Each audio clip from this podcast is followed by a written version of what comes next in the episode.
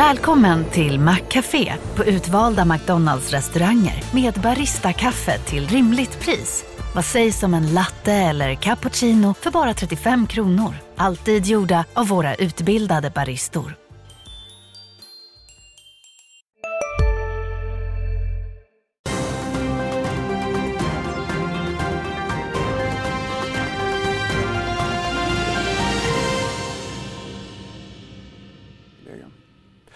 Äntligen fredag och vilken fredag sedan. Kraftiga börsfall på Wall Street igår och kraftig kvalitet på gästerna här i studion. Donald Trump släpper NFT, en otrolig julkula väntar. Vi har fått en emission i fastighetssektorn och massor att prata om. 16 december är det idag. Det här är Börsmorgon. Nu kör vi. Dagens program inkluderar men är inte begränsat till raset igår och framtiden imorgon. Starkvaror, spel och dobbel. Och så kommer Sectra med rapport. Vi har med oss Torbjörn Kronander snart. Men allra först säger vi varmt välkomna till John Skogman från Börspodden. Kär gäst, hur känns det idag? Ja, men tack. Väldigt kul att vara här. Det är ju, eh, händer mycket på börserna och det är slutet av året eh, så att eh, man är ju taggad. Martin Blomgren, också taggad. Också taggad. Tidigare DI-krönikör, ja. tidigare frekvent gäst i detta program, mm. numera på den eh, skadliga och onödiga nyhetssajten Placera. Eh, så skulle jag inte beskriva det, men det stämmer att det är Placera. Ja. Jag skojar förstås. Eh, kära kollegor är vi allihopa. Väldigt stökigt igår Martin, dina ja. tankar på Wall Street och här. Ja, men det visar väl att det är ränte, räntor och centralbankerna som fortsätter styra humöret. Och så länge vi inte har gått igenom liksom en recession som alla väntar så är det väl det vi får vänja oss vid. Men det var ju inprisat ja. Nej. Nej men så här, eh, nu när vi haft en fin uppgång i Sverige så har vi eh, glömt bort eh, lite hur dåligt år det är egentligen. Nasdaq är ner med 30 procent i år och det är ett otroligt, otroligt dåligt år. Titta på de här stora vinnarna tidigare så har vi Amazon, den är på 52 veckors lägsta. Det är ja, riktigt, riktigt illa på Nasdaq fortfarande. Och illa är det ju också i den svenska fastighetssektorn. Vi fick en stor nyhet alldeles innan sändningen började. Balder gör en riktad emission, 1,8 miljarder. AMF är tagare, väldigt liten rabatt. Jag tror man gjorde emissionen på 50, kursen stängde på 50,80 någonting igår. Mm. Dina tankar? Ja, men det visar väl på förtroendet för Erik Selin om man kan göra en emission på samma kurs som den stängde igår i princip. Det är väl en kort reflektion utan att ha tittat på detaljer. Är det här första emissionen i fastighetssektorn? Nej, men det har ju varit i eh, Catena var ju nyligen, då var rabatten mycket högre och eh, även så var ju den större. Men eh, Balder, alltså jag tror inte Erik Salin har några brist på pengar. Han var ju nyligen inne och köpte aktier i Collector eh, för 100 miljoner så att eh, det här är ju ett bra tecken eh, tycker jag. Mm. Eh, ett bra tecken i alla fall för en av våra pressade fastighetsägare. Jag vill nämna Donald Trumps digitala samlarkort också. Kommer det, han har utlovat en stor nyhet. Eh, den kom igår och det var att han säljer alltså hockeykort, eller vad man ska säga, fast i NFT-format. Ganska fult eh, photoshoppade skulle jag vilja invända. Även om videon när han presenterar, om han beskriver sig själv som den bästa presidenten, bättre än Washington, bättre än Lincoln bland annat. Eh, vad ska vi dra för slutsatser av det här Martin? Ja, det känns kanske lite mer 2021 än 2022 men mm, nej, Nej, jag har inte några djupa tankar så kring det. Nej, men det är lite klassiskt av eh, eh, vad ska jag säga, mainstream media ger sig på Trump i alla lägen. Eh, såklart är det här väl ingen eh, större del utan någon mer av eh, plojgrej kan jag tänka mig. Mm. Jag går på något allvarligare, eller jag försöker bli klok på betydelsen av Nucor som är baserat i South Carolina, en av USAs ledande stålbolag, guidade ner igår, handlades också ner 8 på, på Wall Street. Det här på grund av mjukare konjunkturutsikter. Jag försöker förstå hur allvarligt det här är för SSAB. SSAB handlades ner kraftigt mm. också häromdagen på grund av en JP Morgan-analys om jag inte minns fel. Men vad, vad, hur ska vi tänka på stålet? Alltså SSAB har också stor närvaro i USA. Um, och att tillverka stål är ju extremt energikrävande. Speciellt om det då är inte liksom jungfrustål utan så här som man mm. smälter ner eh, scrap eller skrot. Eh, extremt energikrävande. Och, och vi står inför recession så det är ju två, två dåliga saker. Så det är klart att kommer det sånt här besked så reagerar marknaden. Speciellt på en sån marknad som vi hade igår när allting ändå går ner. Ja, det man straffar säkert extra hårt. Här ser vi de två, alltså Nucor och SSAB. Några ståltankar från dig? Ja, men eh, SSAB har inte gått eh, dåligt i år. Jag tror till och med den aktien är upp. Eh, så att om den tappar lite är det inga konstigheter. Andra aktier, typ Boliden, har ju gått jätte, jättebra i år. Det är en av vinnarna. Eh, så att eh, jag, eh, visst, det kan, ha, det kan ha några dåliga dagar, men jag tycker inte man ska ge upp SSAB bara för att Newcore vinstvarnar.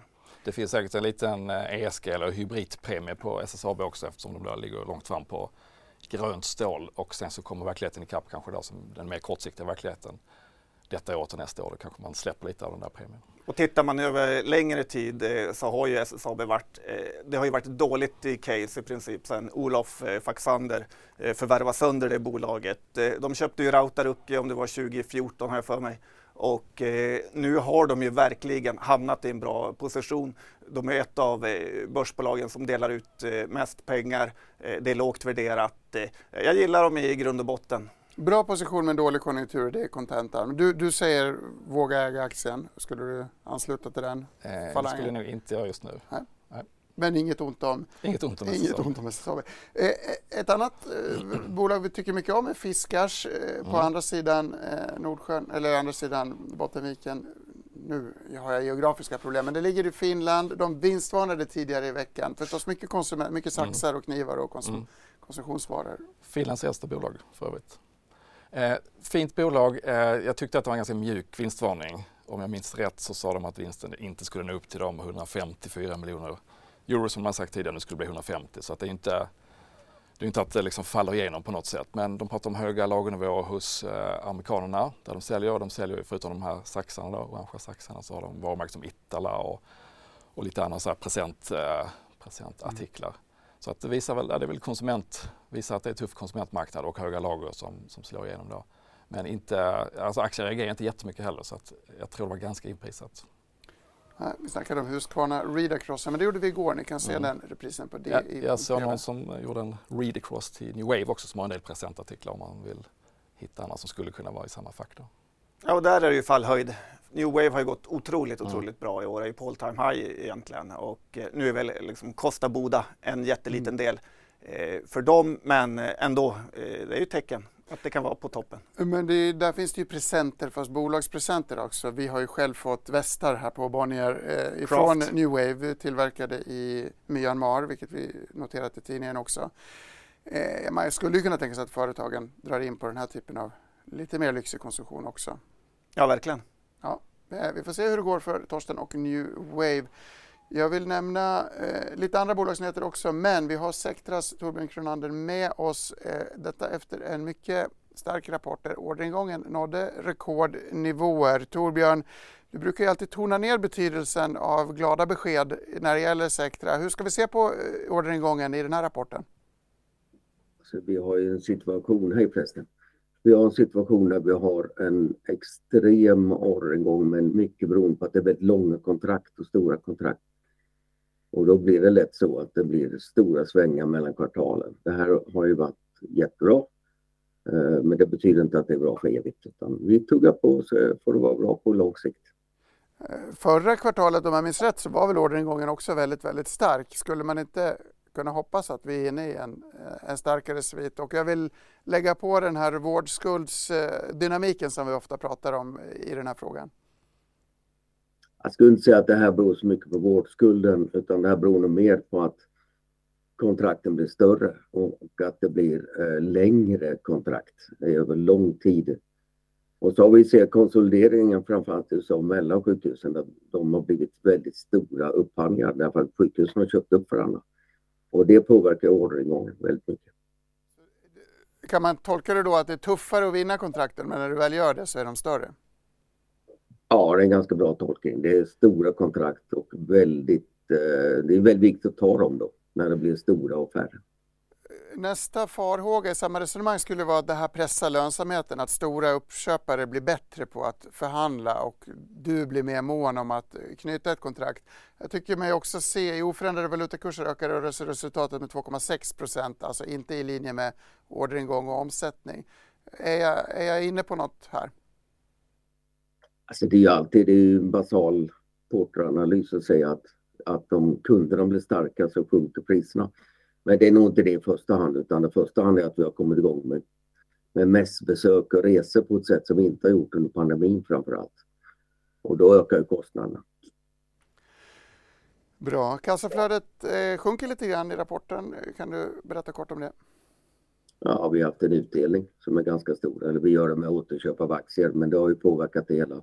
Och sen hade vi mycket förskott förra året som nu betas av lite grann. Men det där är ingenting som är bekymrar oss så mycket.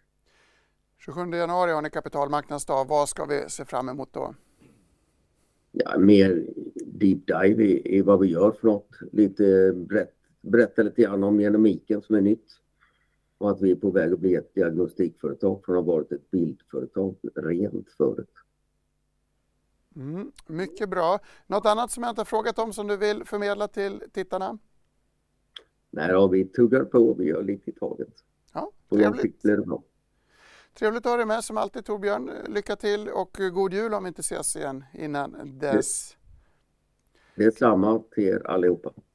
Mm, och det, den god julönskningen gäller ju till dig som tittar också hemma i stugan. Det här var en typisk Torbjörn Kronander. Han tonar alltid ner både det dåliga och det bra på ett ganska föredömligt sätt kan jag tycka, kommunikationsmässigt. Någon reflektion? Ja, man säger att man ska akta sig för charmiga VDR så att eh, då känns ju Sectra som ett ganska eh, bra val här. Men eh, Sectra är ju en av de här bolagen som liksom, det är börsens mysterier. Det är P100 på det här bolaget. Det har alltid varit eh, otroligt dyrt. Man, man gillar bolaget men det går liksom inte att betala eh, den värderingen de handlas till. Eh, ja, det är min reflektion. Mm. Vill du, vill du bifalla den? Ja, jag delar den eh, analysen. P100 på uh, rullande 12 vinst bakåt är det väl ungefär och man, du hade en, en kurskurva där som visar att den svänger liksom 50% upp och ner trots att de då tuggar på långsiktigt. Så att det kanske är en bra tradingaktie eller en bra aktie för den som är ultralångsiktig. Men på medellång sikt så är det svårt att betala P100 för något för att minsta bakslag kan ju liksom sänka kursen med 30-40 rätt enkelt. Jag har väldigt eh, glada nyheter till er käcka gossar och det är att vi ska prata om ett bolag som ingen tycker om. Vi börjar med lite en filmvisning ifrån igår. Arjo känns ju jättespännande. Det finns ingen i hela marknaden som gillar Arjo. Mm. Det är nedgradering på nedgradering. Kan mycket väl komma någon vinstvarning, vad vet jag. Men den är ju redan pressad. Och då, då tittar jag in i sådana bolag. Och ju mindre bolagen är nu, ju bättre hävstång kommer man ju ha i de bolagen. Så att vi är ganska positiva till småbolag generellt. Mm. Oskar Ekman på Penser förstås igår, apropå Arjo, som alla verkar samtidigt ha nedgraderat. Ja, men det är helt uppenbart att Arjo har ju guidat ner eh, marknaden här. Eh, Carnegie sänkte Pareto, sänkte ABG, eh, sänkte Handelsbanken, eh, tog ut dem ur sin modellportfölj. Eh, Oskar Ekman kanske gillar det, men aktien är ju på eh, flera års lägsta nu och ingen annan gör det. Det kommer ju bli en bedrövlig rapport men aktien var ju uppe här eh, i kanske men nivåer kring 120 eh, när den var på toppen. Nu är den nere i 37.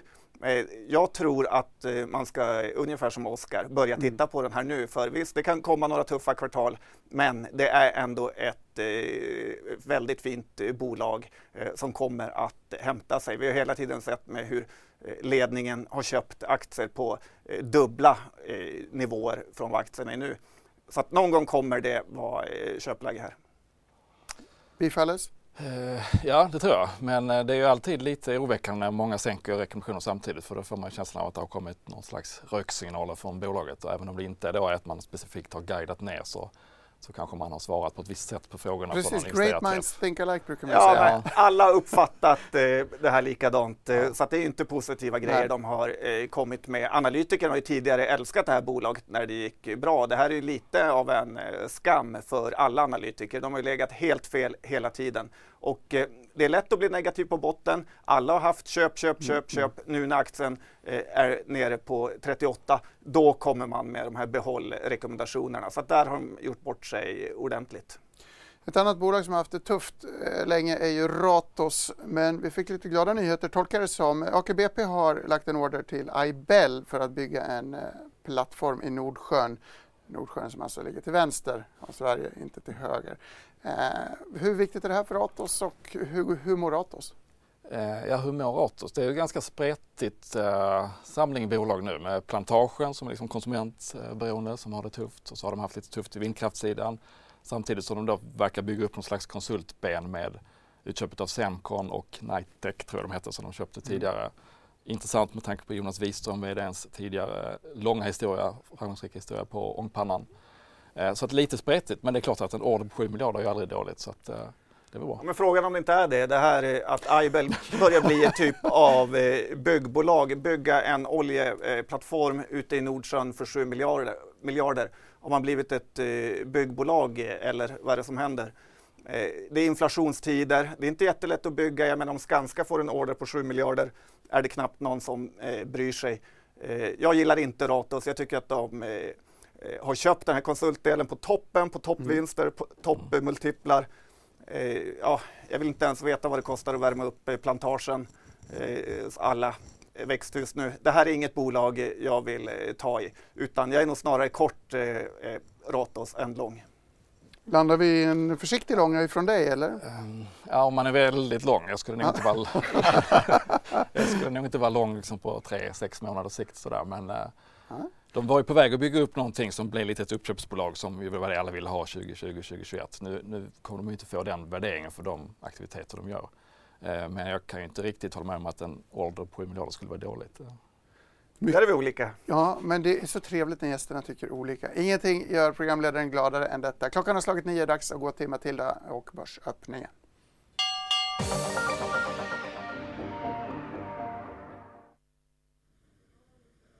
Stockholmsbörsen är öppen och öppnar lite i sidled, lite svagt ner efter gårdagens ras. Och medicinteknik och cybersäkerhetsbolaget Sectra som ni precis pratade med, de tappar runt 1 efter morgonens rapport som redovisade den högsta orderingången i bolagets historia men en lägre marginal.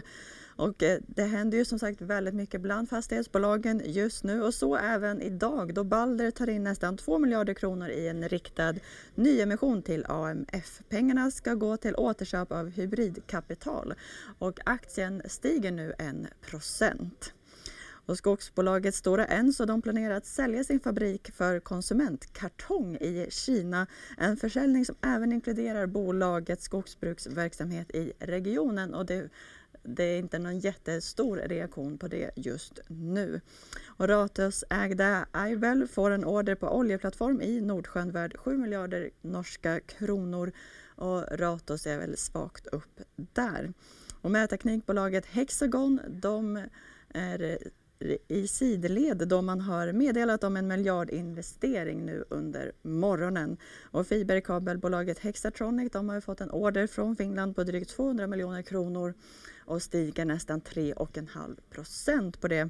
Och Embracer de är upp 1 procent efter att bolagets utvecklingsstudio Crystal Dynamics har fått ingått ett avtal med Amazon Games gällande utveckling och förlagstjänster på ett nytt Tomb Raider-spel. Och fastighetsjätten Wallenstam de har bestämt att de bara ska höja det fasta elpriset för sina hyresgäster med 525 procent. Det är istället för höstens besked var en höjning på 650 procent. Det får Wallenstam att öka stiga runt 1. Och bland dagens rekar så får Tele2 en sänkt riktkurs från City och tappar där 2,5 med riktkursen från, till 98 kronor från 105.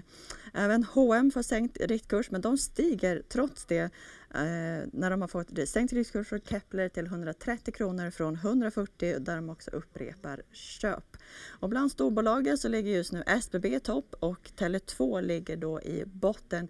Och nu har det, är vi ändå lite på plussidan här på Stockholmsbörsen. Trevligt, stort tack Matilda. Eh, Hexatronic har vi inte pratat om, upp en del idag. Ja, men det var en order. Det rullar ju på väldigt bra för dem. De är ju en av de här eh, ja, verkliga superaktierna för 2022.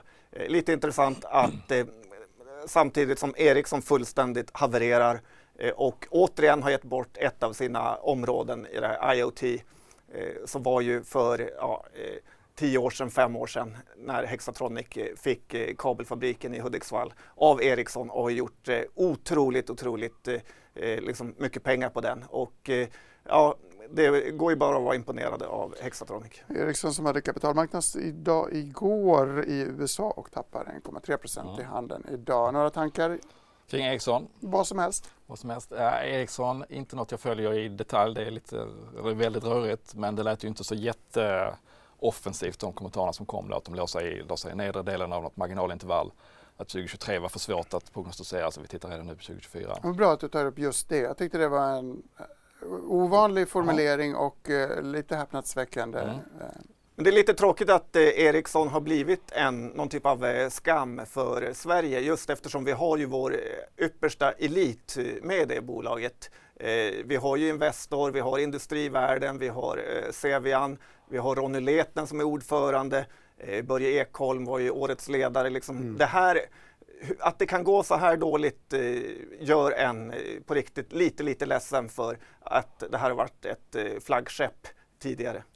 Jag är förvånad att någon vill äga bolaget med tanke på de ständiga ESG-klavertramp som man, som man hamnar i. Många institutioner mm. äger faktiskt Ericsson trots mutor och trots extremt komplicerade legala härvor.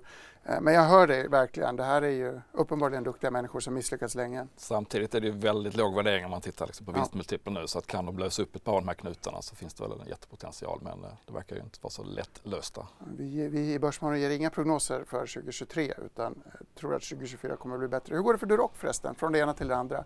Du pratade, vi intervjuade bolaget förra gången. Du är en ganska stor ägare tämligen kritisk sådan. Så, så kritisk ja, lite rock... som Gardell Eriksson. Nej, men... Du rock väl aldrig mer göra en intervju med Börsmorgon? Eh, nej, men så förra gången jag var här så vinstvarnade ju eh, Duroc den morgonen och igår vinstvarnade de väl lite light. Eh, eh, så att det är lite kul att var tredje månad så kommer de med en vinstvarning. De ska släppa sin rapport den 2 eh, februari, eller om det var femte. Men redan nu verkar de veta att det går dåligt. Eh, jag förstår inte att, eh, för det hade en stor artikel här om eh, Peter Gyllenhammar och eh, hans eh, bolag där han liksom var så kritisk mot eh, storskogen. Han var på Sagax av alla bolag och han är absolut största ägare i Duroc.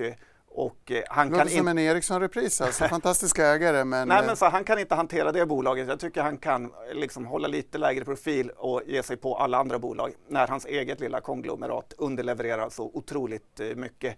Eh, så att, ja, lite stör jag mig på det. Däremot tror jag ju ungefär som att Peter Gyllenhammar är ju duktig i grund och botten. Han har ju haft lång historia med eh, Studsvik när han gick in där när det var ett haveri och nu är ju den aktien långt över eh, 100 har ju gått eh, flera gånger. Jag tror långsiktigt att Duroc är ett eh, bra köp. De har eget kapital på kanske dubbla eh, dagens kurs men eh, de skulle behöva en ny ledning och det hoppas jag att de kan få. Ouch. Ska vi tittar på en graf som jag faktiskt hade själv i tidningen häromdagen apropå Gyllenhammars spaningar. Det handlar om Sagax längst till höger. Det här är fastighetsbolag. Det som är rött är alltså rabatter på börsen. Man misstror värderingen eller man ser någon annan typ av oro, till exempel finansieringsmässigt. Men Sagax har en extrem premie. Det kan ju vara så att Sagax själva har varit konservativa i hur man värderar kåkarna och att det föranleder premie. Men det här är ändå uppseendeväckande tycker jag. Martin, du får koppla greppet här. Ja, men en basal analys när man ser hur det har gått för de andra så det är klart att det finns en jätterisk att, att man går den vägen också. Eh, sen kan ju varken Sagax eller Drock speciellt bra. Men det är ju otroligt ovanligt att vd går ut och kommenterar andra bolag på det här sättet. Eller andra bolags aktier speciellt. Mm. Så att, eh, ja, intressant. Ja, alltså, de här eh, staplarna betyder ingenting för mig. Eh, för att de här värdena som är ja, substansvärdena eller rabatterna, det har ingenting med verkligheten att göra. Jag tror börsen är mycket, mycket bättre på att värdera de här fastigheterna än vad de bokförda värdena är i en marknad som har rört sig jättemycket. Och eh, att eh, våga ge sig på David Mindus, ja men det är imponerande. Jag tycker att man har lite att bevisa då. Och eh, är det någon börs alla pratar om man ska rygga är det ju David Mindus i eh, Sagax. Så att eh, jag gillar verkligen honom.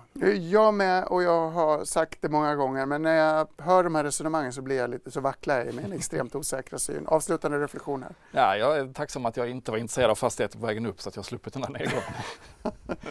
Nu ska vi byta ämne till något mycket, mycket trevligt. Inte för att det inte har varit trevligt hittills, men våra julkulor ligger oss varmt åt, åt, åt varmt åt, vad säger man? De ligger varmt åt hjärtat. Om hjärtat. Om hjärtat. Tack. Jag är så upphetsad att jag knappt kan prata. Lars Söderfjell och Niklas Wellfelt har i historisk mundering gjort den här lilla karamellen till er tittare. Varsågoda.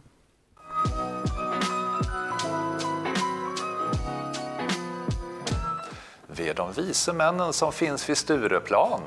På Ålandsbankens fondbolag vi knogar hela dagen. Vid juletiden varje år vår kula dammas av. Så vi kan ge er alla svar på vad det ska bli av. Vi ser en konjunkturnedgång men ingen recession. Och inflationen faller, blir det rent av deflation. Räntorna når toppen innan snön har töat bort. Och konjunkturen vänder upp, det kan gå ganska fort. I den miljön tror vi inte att börsen ska gå ned. Men volatilitet, det är något vi får leva med. När 23 summeras så kan det nog ha hänt. Att kurserna totalt gått upp med 10-12 procent. I år har värdeaktier varit nyckeln till succé. Men nästa år tror vi att det ordet byts mot kvalitet. Vi letar lönsam tillväxt som inte är för dyr. Och balansräkningar som kan stå pall när vinterstormen yr. Vad blir det då för aktier som vi vill satsa på? Ja, vi börjar med Investor, det brukar alltid gå. Två dussin kvalitetsbolag som handlas med rabatt. Och ingen nettoskuld som gör oss sömnlösa var natt. Från framsidan av Sverige så tar vi vårt nästa bett. Ett köp av AB Volvo kan nog bli ganska rätt. Volym och marginal ser ut att hålla uppe nästa år. P10 och nettokassa gör en positiv syn inte svår. Till sist, vi ger till Swedbank en plats i vår topp 3. För Jens han har en plan för att nå minst 15% ROE. En jättestor inlåning och en ränta som går upp. är grunden till att vi kan tro på att Swedbank går i topp. God jul önskar Ålandsbanken. Hej, Ulf Kristersson här. På många sätt är det en mörk tid vi lever i. Men nu tar vi ett stort steg för att göra Sverige till en tryggare och säkrare plats. Sverige är nu medlem i Nato. En för alla, alla för en. Vi är specialister på det vi gör, precis som du. Därför försäkrar vi på Swedea bara småföretag, som ditt.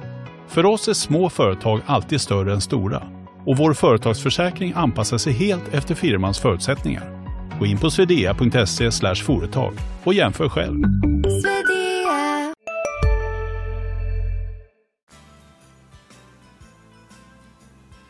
Tack Ålandsbanken. Vilken, eh, där har de lagt ner tid på, de två vice männen på Stureplan. Deflation nästa år, eh, mjuk konjunktur men inte total krasch. Skriver vi under på det? Ja, men liksom, ja. Det är inte unikt. Det är Volvo, Investor, Swedbank. Lite därför man inte behöver köpa fonder när det är den typen av case man eh, eh, kommer med. Samtidigt är det svårt att kritisera Volvo Investor, eller? Ja, jag skulle eh, kunna ställa mig bakom Volvo-reken där utan problem. Även i, ja, jag skulle tycka att konjunkturen var Mm. för orolig, apropå SSAB. Men visst, på lång sikt blir allting bra. Fotbolls-VM håller fortfarande på väl? Mm. Här är inte min starkaste. Jag tror att det återstår åtminstone en match. Två. Två. Final och brons. Final och bronsmatch, Ja. precis. Ja, vi, vi, vi, vi, ja, det som intresserar mig mest är ju den här starkölen som har stått i fokus efter att huvudsponsorn Budweiser fått väldigt skiftande besked och till slut inte fick sälja eh, öl inne på arenorna. Jag har bett Martin Blomgren dyka ner. Du har skrivit bland annat om Carlsberg på, på Placera tidigare. Eh, förstås ett ämne som är lätt att tycka om. Men hur går det egentligen för sektorn? Kan man eh, börja med en övergripande bild?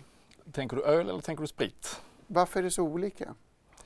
Ja, det är inte olika, i, för i vissa fall är det samma bolag som äger dem, men, men uh, i båda fallen kan man väl säga att det är skala som gäller. Man kan säga att det är de, de stora bolagen tjänar mycket pengar och de konsoliderar sektorn genom att köpa upp och det finns inte jättemycket till underliggande tillväxt. Så att man måste vara stor och man måste få liksom, dela upp volymerna på många, eller kostnaderna på stora volymer. Så det har de gemensamt. Men sen så är det lite skillnader i jag har tidigare skrivit att eh, öl har haft det tyngre på börsen Mm. än sprit. Eh, Lite grann så kan man knyta in i det här i, som vi ofta pratar om, lyxgrejerna. Eh, Premiumprodukter går bra medan Mm. bulkprodukter har det tuffare. Kan man applicera den linjen här också? Ja men så är det. Jag har tittat på några av de stora spritbolagen och en gemensam nämnare är att många nämner att just att premiumprodukterna eller superpremiumprodukterna går väldigt bra.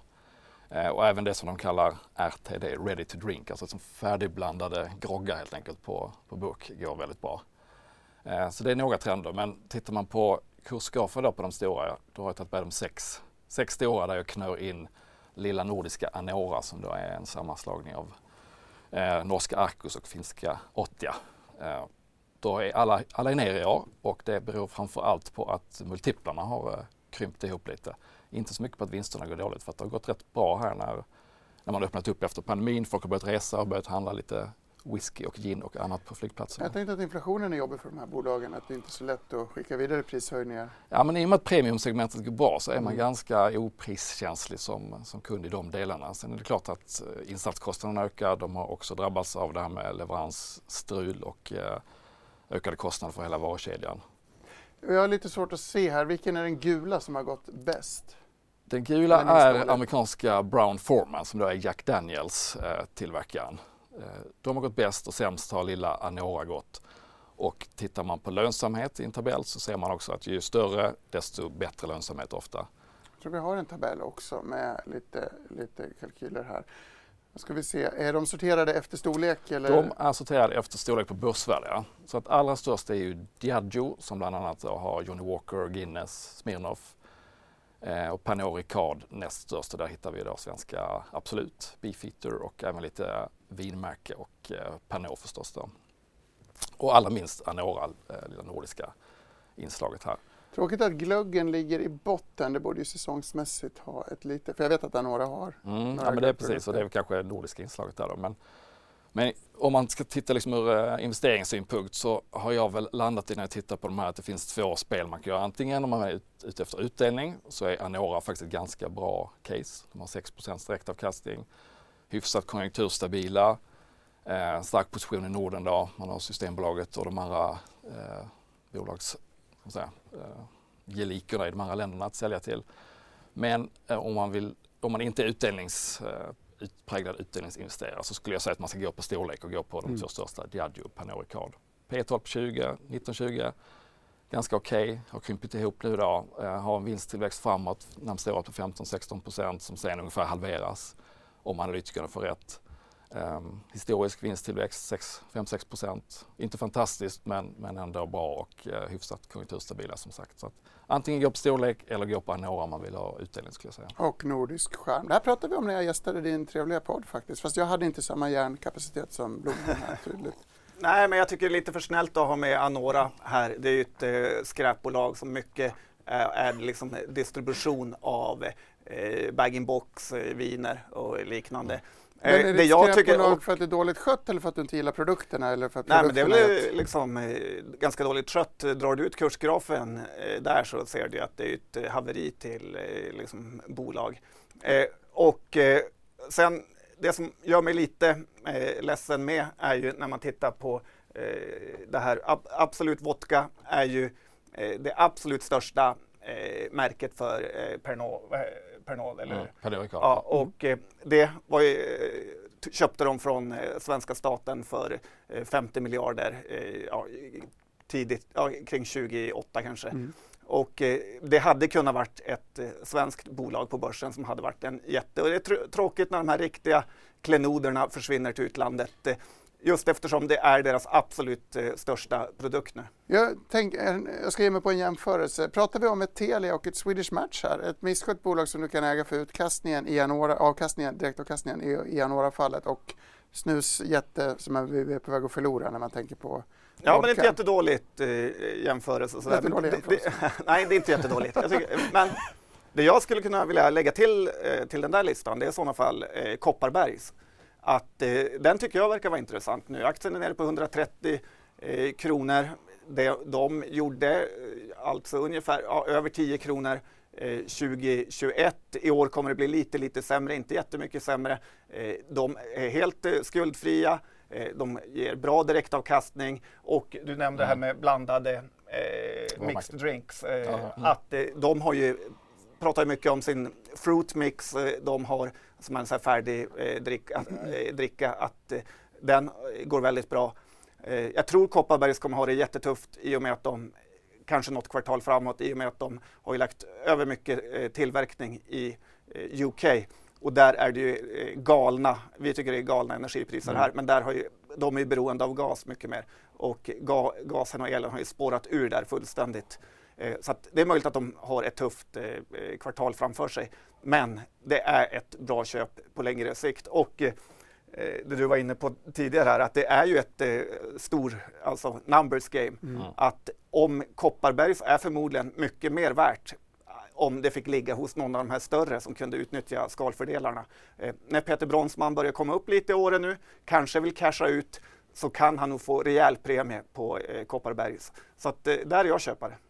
Jag vill nämna Carlsberg i det här också, apropå It's a numbers game som vi pratade om. Carlsberg slog till med ett förvärv igår i Kanada va? Mm, Waterloo Brewing tror jag de hette. Det är en väldigt olycksbådande titel tycker jag. Ja. Waterloo förknippar jag med, som Stalingrad med Ja. slag där. Men också Melodifestivalseger. Sant. Sant. Eh, nej, men intressant, inte så stort men intressant eh, tycker jag därför att nu har ju liksom den ryska tillväxtdörren stängt så då måste man kanske öppna lite andra dörrar. De har inte haft så mycket i Nordamerika tidigare mig veterligen. Eh, så nu går de in i Kanada och även där var det då en del ready to drink och cider och andra produkter än bara öl. Så att, eh, ja, lite intressant, lite men intressant tillväxtfönster som de öppnar där. Danmark har ju många fina bryggerier. Eh, Royal Unibrew, Mm. men om det är Tuborg kanske? Som Ja, Tuborg ligger i Carlsberg också. Okej, ja, eh, och så har vi Olvi i Finland. Så det finns ju några eh, roliga bryggeribolag att eh, äga i Mm. Norden. Så är det med det. Stalingrad är inte en referens för sympatier med förloraren utan bara som ett begrepp över ett stort nederlag för den som reagerade på jämförelsen. Apropå tillbaka till VM då, förutom dryckeskonsumtion så konsum- konsumerar man betting rimligtvis. Var det här bra eller dåligt för sektorn att vi hade ett VM på en konstig tid? Ja, förmodligen har det nog varit eh, bra för man har tryckt ihop schemat eh, eh väldigt tajt och man har ju redan börjat köra matcher nu i liksom, the Championship och eh, de här lite lägre eh, ligorna. Och sen har det ju varit väldigt många oavgjorda resultat, vilket är väldigt, väldigt bra för bettingbolagen. Ingen lägger eh, liksom ett 0-0 bett utan man bettar på favoritlaget och eh, så att oavgjorda resultat och straffläggning är väldigt bra för eh, bettingbolagen. Så att, eh, det tycker jag är kul. Jag lyssnade också igår på Hur är det eh, med oväntade resultat? Vi har haft väldigt många skrällsegrar. Det är bra. Det är bra. Mm. Ja, nu är det väl ganska väntad final här då Ja, med. Argentina-Frankrike, men eh, det är bra för att hålla intresset eh, uppe med. Jag tittade igår lite grann på TIN Fonder körde ju sin eh, Q4-utfrågning på Twitter och de är ju stora inom Evolution och Kindred har de mycket, men de berättar att de hade varit och träffat Leo Vegas och eh, Leo Vegas, även fast de är utköpta och Leo Vegas blev ju eh, utköpta av MGM och MGM har tydligen gett dem en jättepengapåse för att eh, fortsätta förvärvsresan. Jag tycker det är lite kul att tänka sig att det kan börja komma en hel del eh, uppköp nu. Det har redan kommit väldigt många eh, uppköp inom den sektorn. Vi har ju Kambi som Leo Vegas har som eh, sportmotor som det snackas lite om, som jag hoppas på. Eh, så att, eh, Du har hoppats ganska länge, skulle man kunna Ja. ha det som en invändning? ja, lite Den är långsiktig. Nej, men det är mycket, vi behöver inte gå in på den, men det, liksom, den är, eh, ser kul ut. Sen hade vi ju Catena Media igår, Mm. var ju ute att de eh, sålde eh, Ask Gamblers. Fick inte någon jättemycket kärlek på börsen för det va? Nej, det blev jätteförnedrande för dem, det, för att det här är ju något de har pratat om eh, sedan i maj, att man ska kränga iväg eh, Ask Gamblers, alltså den dåliga delen i Catena Media för att kunna foka på eh, USA. Men Gig köpte dem och Gig gick upp och Catena Media ner. Och då får vi ändå prata om att Catena Media har ju halverats i år från 50 till eh, 22. Så att eh, lite revansch för eh, Petter Nylander här, för Gig, alltså Gaming Innovation Group, har ju, eh, de är nu dubbelt så stora som Catena Media. Eh, lite förnedrande också för Alkur och Wille Gruvberg som är största ägare i Catena Media att det blev så här. Jag, jag äger aktier själv i Catena Media och eh, ja, det här börjar bli ett av börsens eh, eh sämsta bolag, sämst skötta med. Och eh, eh, ja, tråkigt faktiskt. Nu är man ju skuldfria och eh, man har, kan foka på eh, andra delar som går bra. Jag hoppas att det blir bättre, men jag är inte förhoppningsfull. Vill du flika in någonting i bettingdiskussionen? Eh, ja, jag har tittat mer på Kindred kanske än de som du nämner, alltså Unibet. Peter Nylanders gamla Mm. arbetsgivare. Eh, och de har haft en jättebra resa under hösten och det är väl dels då fotbolls-VM att man har packat ihop eh, först ligamatcherna inför det och sen är det många matcher att spela på och det blir skrällar. Samtidigt som de är tillbaka i Holland som, som de åkte ut ur då förra hösten regulatoriskt. Eh, så de har haft två jättemotorer som har drivit dem framåt här nu. Så att det blir väldigt intressant tycker jag att se hur kommer de att reagera om det då kommer en väldigt bra rapport eller om det kommer någon trading update eller till och med en omvänd vinstvarning på grund av att de har haft extra höga intäkter och resultat här. Så att, eh, den har gått jättebra men det kanske är så att man ska börja fundera på om man ska sälja på en riktigt bra rapport här. Om man ska Tråkigt för Kindred med att eh, Holland åkte ut eh, tidigt Ja, med. det är det. Precis. Men det fanns ju andra lag att spela på. Eh, ja, men vi tar en liten paus och går till börsöppning. Vi har ett par korta frågor att avklara, men först en sväng till Studio 2 och Matilda Svensson. Ja, Stockholmsbörsen är ner ungefär en halv procent nu så fortsätter alltså ner efter gårdagens ras. Och bland storbolagen så ligger just nu Tele2 och Ericsson i botten. Tele2 efter en sänkt rikskurs och Ericsson efter gårdagens kapitalmarknadsdag. I toppen ligger just nu Nordea och Autoliv. Och Sectra de rasar på morgonens rapport och medan Balder eh, lyfter 6 procent Eh, då man tar in en nyemission på 2 miljarder kronor. Stora Enso dominerar ungefär 1 och man planerar att sälja en fabrik i Kina. Och Ratos de ligger just nu svagt ner efter att Aibel fått en order på en oljeplattform i Nordsjön. Och Hexatronic de stiger omkring 3 De och har fått en order från Finland på drygt 200 miljoner kronor. Embracer är upp även de över 3 och Wallenstam är upp eh, runt 1% De har meddelat att höja det fasta elpriset för sina hyresgäster om än inte riktigt lika högt som man först aviserat. Och läkemedelsbolaget Lids de rasar över 30 på en företrädesemission till en kurs som var lägre än hälften av gårdagens stängningskurs. Och Stockholmsbörsen är som sagt ner nästan en halv procent. Mm, nästan en halv procent. Tråkigt för Lids, tråkigt för Sectra som vi pratade med tidigare i programmet. Jag vill eh, pausa lite grann till Balder. Vi nämnde ju Balder i början av sändningen också. För den som kommit in senare så handlar det om en nyemission som görs med mycket liten rabatt. Min reflektion är att man tar tag i problemen tidigt, eh, flera bolag skulle kanske behöva den här typen av Ja, Balder har väl egentligen inga jätteproblem med tanke på hur liten eh, nyemissionen var och vilken kurs eh, de tog in den på. Men det är alltid en lättnad för börsen när man kan ge eh, styrkebesked. Och, eh, ja, kanske bra för hela fastighetssektorn att, eh, ja, vi såg ju Wallenstam gick upp med att vissa av de här bolagen faktiskt har riktig eh, pricing power och eh, kommer rida ut det här eh, när räntekurvan planar ut lite grann. Mm.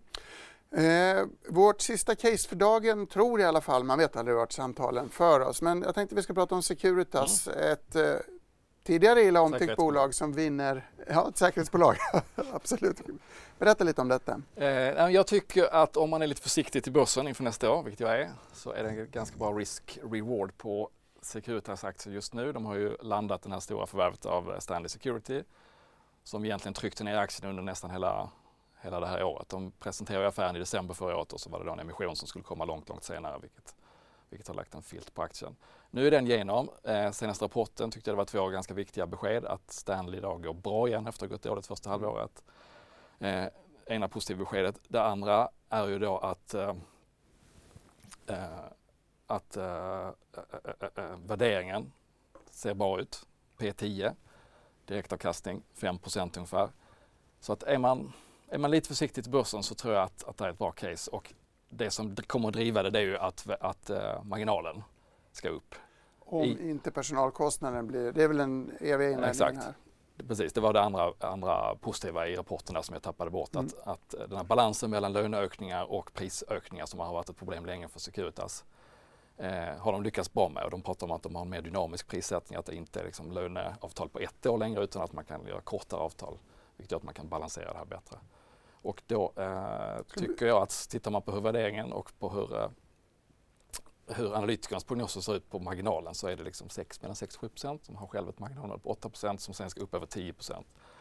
Långt ifrån säkert att de ens kommer i närheten av det, men kommer resan ditåt att fortsätta under nästa år så tror jag att det finns en hel del att hämta i aktien. Speciellt jämfört med en börs som kanske blir lite småsur. Nu vore det trevligt om Skogman kunde såga, den här, såga det här resonemanget fullständigt. Ja, men en grej jag alltid gör när jag tittar på case, det är att jag försöker dra ut grafen och titta. Visst, de kan ha haft dippar, bolagen, är det eh, en, liksom, men har de ändå en långsiktig trend uppåt? Eh, ger de mer än de tar? Liksom, levererar de aktieägarvärde? Och Securitas är ju ett av de bolagen som verkligen, verkligen inte gör det.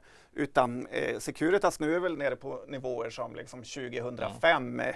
Eh, det här förvärvet, alltså ja, att nyemissionen drog ut på tiden är ju en av anledningarna till att aktien gick ner. Men det, den riktiga anledningen är ju att det var ett otroligt, otroligt dyrt förvärv på toppen. Eh, dessutom, även om man gjorde nyemission så är man ju jättehög mm. skuldsättning nu. Eh, och jag tycker också Securitas ledning lever som i sin, alltså styrelse då, lever i sin egen värld där hur man ändå delade ut pengar trots att man gjorde eh, en nyemission. Det, alltså det här är, det kan komma tillfällen då det är definitivt bra att köpa det här bolaget. Men långsiktigt är det inget bolag att eh, lägga sina pengar i. Och jag, eh, liksom, jag tycker många gånger man har sett förvaltare prata liksom om att det är lågt värderat, det är eh, liksom ett bolag att köpa. Men det är något med att de kör runt i sina små bilar överallt i hela världen. Det är alltid något som eh, förstör för dem. Och det här, dessutom, nu har de gjort, det här förvärvet var ju förmodligen bra långsiktigt, mm. håller jag med om. Men de har ju också, innan det knoppar de ju av sin larmdel eh, och nu köper de tillbaka den och då, de håller på så här hela tiden. Eh, jag tycker det är tråkigt skött, men jag håller liksom, det är inte så att eh, säkerhetsbranschen eh, går dåligt, utan rätt ledning skulle kunna göra något jätte, jättebra eh, av det här bolaget. Eh, Okej, okay. du, du, köper den strukturella trenden, du köper att det är en konjunkturokänslig bransch men du ser flera problem. Ja, ja, ja, låt Martin replikera. Hoten är ju att skuldsättningen är för hög, det är marknaden ja. sig för. Förhoppningsvis kan vi beta av det med bra kassaflöde nu under ett, två, tre år framåt. Och sen är det det här med att de måste balansera löneinflationen med prishöjningar. Eh, men att de har lyckats med det hittills tycker jag ändå är ganska Eh, betryggande. Sen, absolut, det, är, det är de två stora riskerna inför nästa år skulle jag säga. Och en positiv grej är ju att Securitas tjänar ju alltid eh, pengar. Även under ja. finanskrisen tjänar mm. de pengar. Det här är ju ett eh, bolag. Alltså, är man försiktig och vill ha ett bolag som tjänar pengar är Securitas ja. bra. Och eh, lite blir de här graferna eh, i deras nackdel då Securitas alltid har varit en eh, högavkastande aktie. Mm. Så att du under den här perioden fått fina, fina utdelningar. Så att grafen eh, ljuger lite till deras nackdel. Och det är ju ett väldigt snävt intervall som marginalen har rört sig inom. Så att när det går dåligt så är det inte så att de går back utan då går den ner kanske till 5 eller 4,5 procent och sen så är det uppe vid 6 procent när det går bra. Men nu ska man förhoppningsvis då veva upp den mot 8 procent och då kommer det att hända lite grejer tror jag. Den här långa, avslutningsvis då, den här långa analysen som du inledde ditt resonemang med.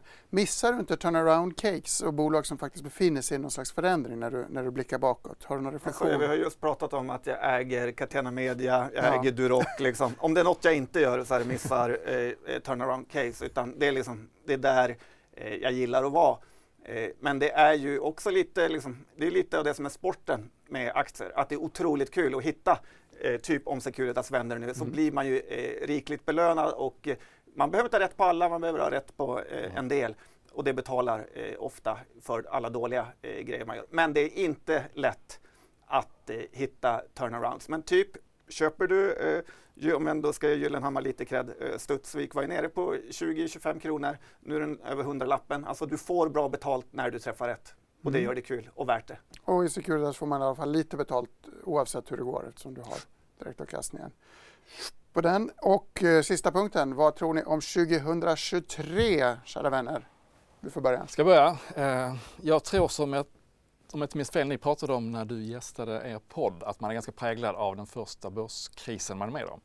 Och jag började vi i samband med IT-bubblan och jag tycker det finns ganska mycket likheter med det här. Att vi har först, först faller de små techbolagen, vilket väl hände för ett, ett och ett halvt år sedan nu. Sen börjar de stora techbolagen falla, vilket man kan säga hände i våras. Och sen kommer då tredje vågen som förhoppningsvis är sista eller näst sista där även de ska man säga, mer fysiska vanliga bolagen börjar falla och sparka folk och nu ser vi stora besparingsprogram i Ericsson, H&M och massa andra bolag. Så att vi är nog inte igenom den sista fasen här utan det är kanske den som påbörjas nu tror jag. Så att en ganska tuff början på året. Det är väl vad många av de här stora aktiestrategerna tror också tyvärr. Så tycker jag likadant. Mm. Eh, så tuff början där, där recession, hög, fortsatt hög inflation och högre ränteläge kommer att ge ytterligare ett bakslag på börsen. Eh, men är man, har man lite kassa och eh, kan börja blicka in i 2024 någon gång under våren, sommaren så tror jag man kan få fantastiska köpläge. Så börsen kommer stanna strax över nollan säger jag. Men en riktigt bra avslutning. Ja, bra guidning där om precis allt. Men eh, Eh, ja, det är bra resonemang eh, tycker jag. Det är så otroligt svårt att eh, veta hur index ska gå. Det är enklare att foka på enskilda aktier. Men vi har ju en tuff, tuff eh, vinter framför oss nu med eh, otroliga energipriser, eh, höga räntor och allt har inte slagit igenom än. Clas Olsson kom ju här tidigare med rapport H&M. Alltså det går inte bra i riktiga världen heller. Däremot får man liksom inte underskatta om man tittar långsiktigt på börsen så är det de här tuffa perioderna man ska köpa aktier. Och lite kan man tänka sig att börsen och världen ska lära sig att ett, två, tre dåliga kvartal eh, inte är hela världen. Men eh, som åter och återigen så uppspelar sig samma sak med krascher. Och nu pratar ju alla om att vi ska titta in i 2024. Ericsson pratar ju redan om det. Mm. Eh, men sen när väl rapporterna för Q1, Q, alltså Q4, Q1, Q2 kommer, då är det de som är i fokus och då kan börserna eh, krascha rejält. Så att, eh, men i grund och botten är jag väldigt eh, positiv. Jag tror att den här inflationen har liksom jackat upp oss en nivå. Att när det väl lugnar ner sig så kommer värdet tuffa på som vanligt och eh, alla priser är bara lite, lite högre och aktiekurserna i nominella belopp eh, står eh, högre. För i grund och botten att eh, alltså räntorna är ju eh, 3-4 procent, 5 men inflationen är ju 10. Det är liksom en spread där som långsiktigt borde gynna aktier i nominella belopp. Det, jag tror att eh, vi kommer ha ett helt okej okay börsår 2023. Ett skakligt men helt okej börsår. Man ska komma ihåg att många bolag är i väldigt mycket bättre skick än tidigare kriser också. Bankerna har, har fixat sina balansräkningar bättre. Eh, verkstadsbolagen har högre lägstanivåer tror jag. Många av cheferna där var ju med förra gången det smällde. Så att... Jag ville faktiskt fråga om det också. Mm. Vi, Lasse Söderfjell var här också i studion under vanliga former och då konstaterade vi att verkstaden har ju fortfarande gått väldigt, väldigt bra i mångt och Mm. mycket. En enorm motståndskraft. Dina tankar på Ja, industrins... det egentligen ska du fråga Martin om det. Han har ju varit hotshot på, eh, På Sandvik, Sandvik, ja. så att det är väl bättre att du tar den än att en kille i en källare tar den. Nej, men man kan väl konstatera om man tittar på börskurserna då att även ett bolag som Atlas jättebörsvärde gick väl upp 25% från botten i höstas kanske. Så att när, den här, eh, när de här faserna av väldigt eh, negativt klimat avtar så går ju kvalitetsbolagen. Då kan man ju få 25 i ett, i ett Mm. kanonbolag som Atlas. Eh, och Volvo som vi nämnde tidigare, låg värdering, eh, bra balansräkning, har ju en jättelång orderbok. Det kom ganska positiva signaler från de här branschorganisationerna tidigare. Så att jag tror inte man behöver vara superorolig om man har lite horisont liksom, på sina investeringar i verkstaden. Jag tror de är i väldigt gott skick de flesta. Väldigt gott skick. Det är vi också här i Börsmorgon. Den som vill veta mer om Atlas Copco förresten kan läsa dagens Dagens Industri där Mikael Wilenius skriver om Atlas tid på börstronen. Det här kan bli lite för 47 kronor, en väldigt billig tidning. Placera kan man läsa också, jag skojade där i början. En utmärkt publikation naturligtvis. Därifrån är vi glada att ha Martin Blomgren och ifrån Börspodden Jan Skogman och jag, Gabriel Mellqvist. Häng med oss i Börskoll klockan 14 och eh, eller, eller har ni något annat i er? Nu har jag börjat, börjat säga hej då här. Nej, men nu har du tagit eh, allt jag hade. Allt Ja. syre är slut. Allt syre är slut. Men vi, vi hämtar ny luft och är tillbaka imorgon, samma tid, samma kanal. Häng med oss på d.se när du vill och lycka till. Måndag, det är fredag idag, jag glömde. Ni hör hur upphetsad jag är. På måndag är vi tillbaka. Då ses vi igen. Ha det gott. Trevlig helg när den väl kommer.